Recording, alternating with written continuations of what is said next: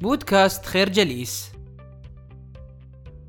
المشكلة الأولى التي تواجه التفكير هي اعتقاد الإنسان أنه لا يخطئ في التفكير، وهذا يدعى الكبرياء الفكري، حيث هناك الكثير من المعتقدات والأفكار تكون عبارة عن موروثات ليس لها أساس صحيح، في حين أن العقل يقتنع بها، وهذا بسبب عدم وجود نوع من التواضع الفكري لتفنيد ونقد مثل هذه الأفكار.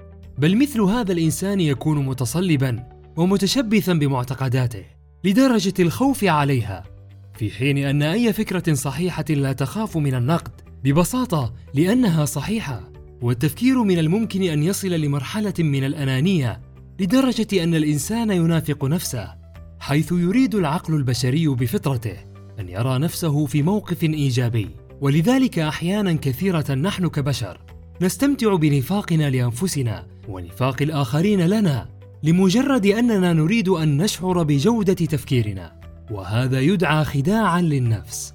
فهناك أشخاص كثر يقتنعون بأن الرياضه هامه جدا ولكنهم يجلسون في المنزل دون عمل أي رياضة. ولكن تفكيرهم يجعلهم يشعرون أنهم على ما يرام وأن مجرد تفكيرهم في الصواب يجعلهم على صواب. والحل هنا هو أنك يجب أن تبتعد عن مجاملة نفسك وتضع أفكارك الشخصية في موضع النقد ومحاولة التخلي عن الشعور المريح الذي ينتج مع نفاقك لنفسك بأن طريقة تفكيرك سليمة وجيدة. بهذه الطريقة ستكون أفكارك متناسقة مع أفعالك. لا تدع انتقادك لتفكيرك يجعلك تتعالى على كل من حولك.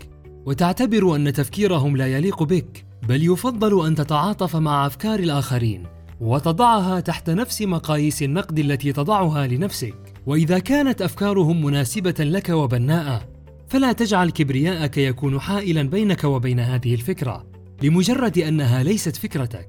بل عليك أن تتبنى الأفكار الإيجابية بغض النظر عن الشخص الذي يعتقدها. أما في حالة عدم اتفاق أفكارك مع شخص آخر فهذا لا يعني أن تعاديه.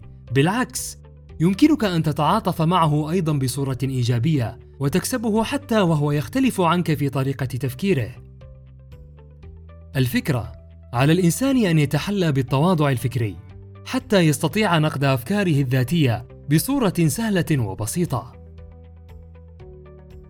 كل شيء تفعله يكون ناتجا عن غاية داخلية لديك وهذه الغاية تظهر في شكل أهداف سواء اهدافا صغيرة أو اهدافا كبيرة. وفي العادة العقل البشري يذهب في اتجاه خاطئ إذا كانت هذه الأهداف غير واضحة. فهناك أهداف ليست أساسية وأهداف أخرى تمثل لك سبب وجودك في الحياة نفسها. وعليك أن تتفطن لهذه الأهداف والغايات حتى لا تسمح لعقلك بأن يسير في مقصد عشوائي. هذا بجانب فحصك لأهدافك نفسها التي تحدد طريقة حياتك. وهل هي مناسبة لك؟ أم هي مجرد أهداف مزيفة؟ أيضا من المهم جدا أن تجعل شخصيتك وأفكارك وأهدافك نابعة بشكل أكيد ومطلق من داخلك وليس من الآخرين. فالحياة البشرية عموما حياة اجتماعية وتستلزم منك أن تكون عضوا في مجتمع ما إما مجتمعا أسري أو ثقافي أو ديني.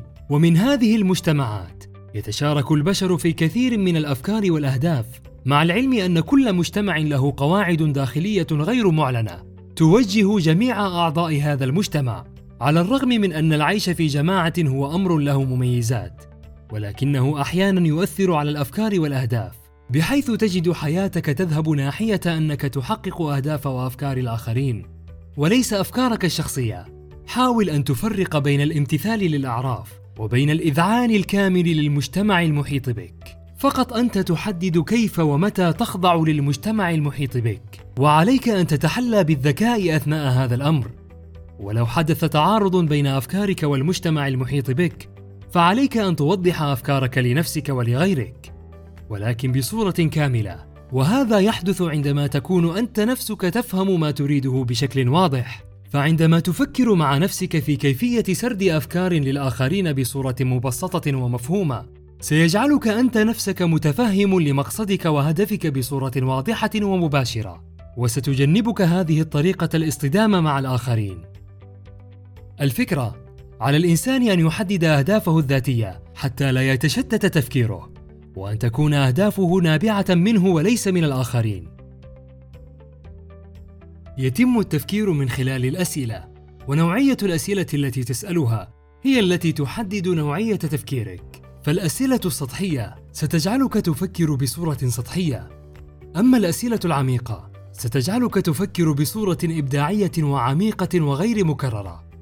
علاوة على ذلك، تقوم الأسئلة بتحديد المهام الفكرية وجعلها أوضح. فمثلا، لو سألت كم بيضة في الثلاجة، فحينها ستكون لديك مهمتين. الأولى أن تقوم بفتح الثلاجة، والثانية أن تقوم بعد البيض. ويمكنك استخدام هذه الطريقة دائما عندما تعجز عن وضع خطة لشيء ما. فقط عليك أن تحضر الأسئلة الخاصة بهذا الشيء، ثم تجيب عن هذه الأسئلة بشكل منطقي. أيضا وضوح الأفكار تحت مجهر النقد والسؤال يجعلك تفهم بوضوح النتائج والتأثيرات المترتبة على تفكيرك. فمثلا، هناك أشخاص يدخنون ومقتنعين تماما أنهم يعيشون حياة صحية، متجاهلين طريقة تفكيرهم هذه على صحتهم بعد زمن طويل، حيث سيعانون من مشاكل صحية كبيرة. ومن هنا نجد أن البحث عن نتيجة كل فكرة نفكر فيها يجعلنا نميز الأفكار السلبية من الإيجابية، ومن ثم يتمكن العقل من اتخاذ القرار الصحيح. ويمكنك استخدام طريقة التفكير هذه عندما تواجهك مشكلة صعبة. قم بوضع قائمة من الأفكار الخاصة بحل هذه المشكلة، وعليك أن تتوقع النتائج الإيجابية والسلبية لكل حل، ثم تتصرف بناء على أفضل نتائج تظهر لك. وفي الغالب سيكون قرارك صائبا دائما بهذه الطريقة لأنك ستكون قد توقعت معظم النتائج بالفعل وستتمكن من التعامل معها أيضا من أجل تحفيز نفسك يمكنك أن تضع قائمة بالآثار التي ستنتج إذا استمررت في العيش كما أنت وهل ستكون راضيا بالنتائج أم لا الفكرة استخدام أسلوب طرح الأسئلة لنقد التفكير وحل المشكلات يجعل عقلك يفكر بصورة أعمق وأكثر ترتيبا.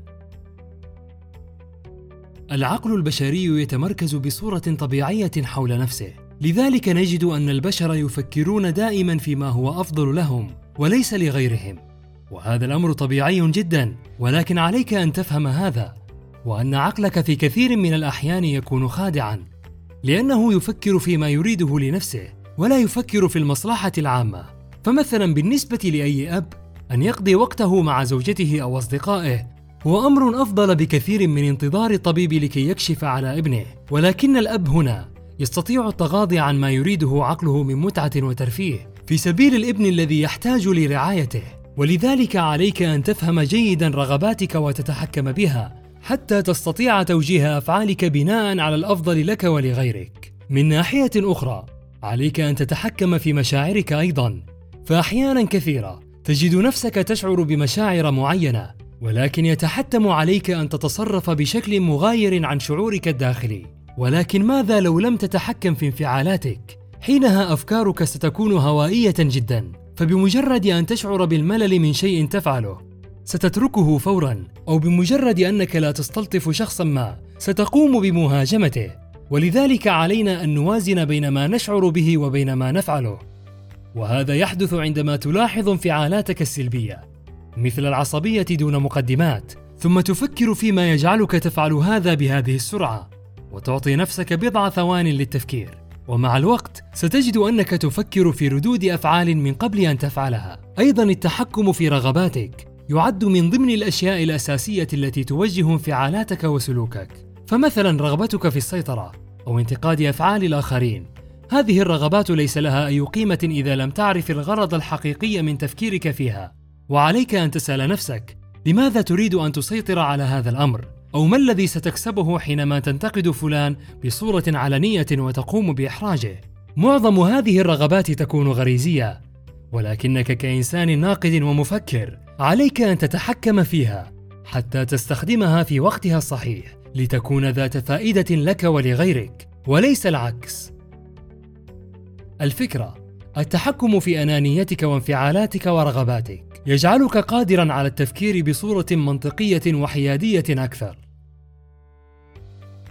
نشكركم على حسن استماعكم. تابعونا على مواقع التواصل الاجتماعي لخير جليس، كما يسرنا الاستماع لآرائكم واقتراحاتكم. ونسعد باشتراككم في البودكاست